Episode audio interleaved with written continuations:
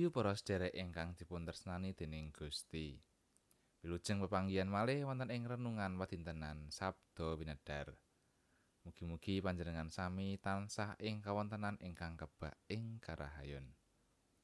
Sumangga saderengipun kita maos pangandikanipun Gusti, kita ndedonga sesarengan. Duh Gusti Allah Rama kasuwargan. Suwan malih wonten ing ngarsa paduka Duh Gusti. Ngaturaken agenging panuwun. Dene paduka tansah berkahi lan ngayomi ing sauruting gesang kawula. Menawi sak menika kawula badhe nampi sabda saking paduka mugi paduka piyambak ingkang karsa ngandika lan bikak manah kawula. Matur nuwun Duh Gusti. Mugi paduka ugi kersa ngapunteni sedaya dosa lan kelepatan kawula wonten ing asmanipun Gusti Yesus kawula ndedonga. Haleluya. Amin. Para sedherek kinasih pangandikanipun Gusti kapendhet saking Injil Matius bab 18 ayatipun gangsal welas ngantos kalih dosa. Injil Matius bab 18 ayatipun gangsal welas ngantos kalih dosa. Bab ngelingake sedulur kang luput menawa sedulurmu dhewe kaluputan elingno dedewean. Menawa gugu marang kandamu tegese kowe wis ngentas sedulurmu. Dene yen ora gugu kowe ngajak wong siji utawa loro kas supaya merga saka anane katerangane saksi loro utawa telu prakarane banjur rampung.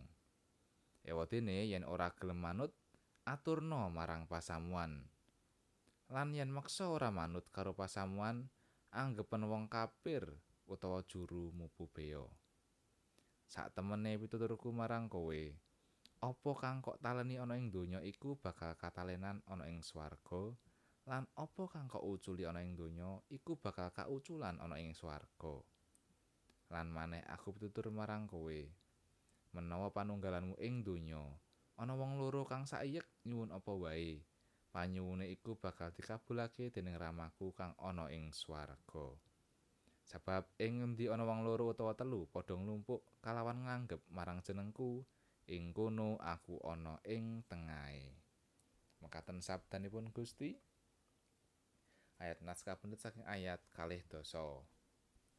Sebab ing endi ana wong loro utawa telu padha nglumpuk kalawan nganggep marang jenengku, ing kono aku ana ing tengahe. Renungan dinten menika kaparingan ira-iran ngrimat patunggilan katresnan.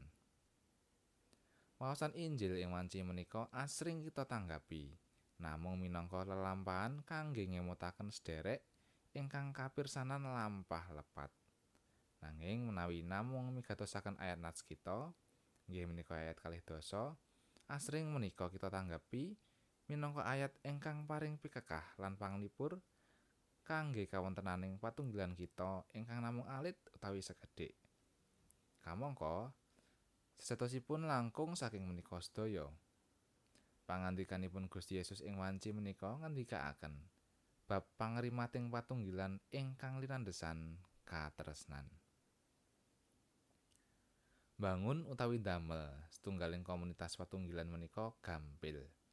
Nanging ngrimat lan nglestantunaken patunggilan menika ingkang angel.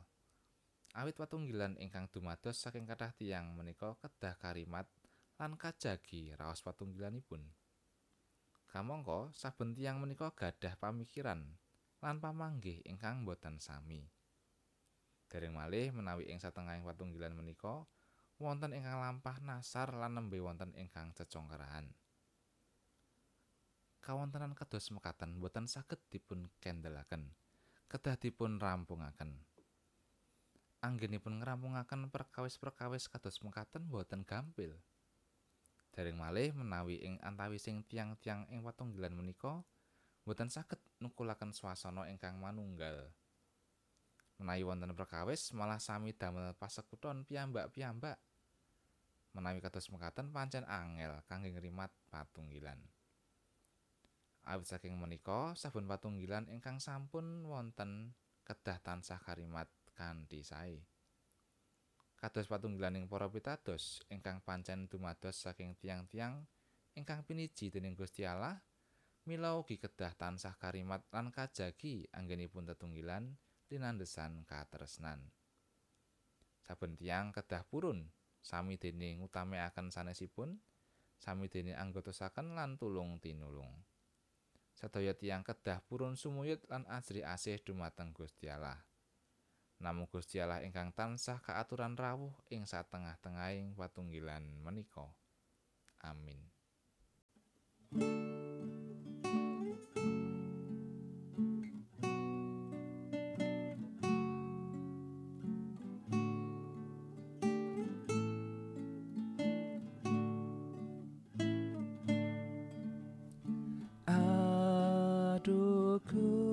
Gusti kula mireng gadatya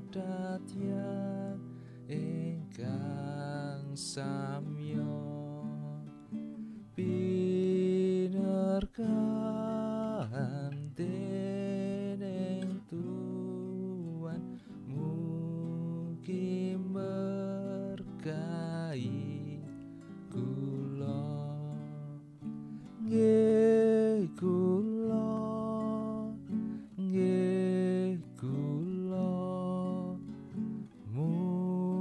mugi berkahi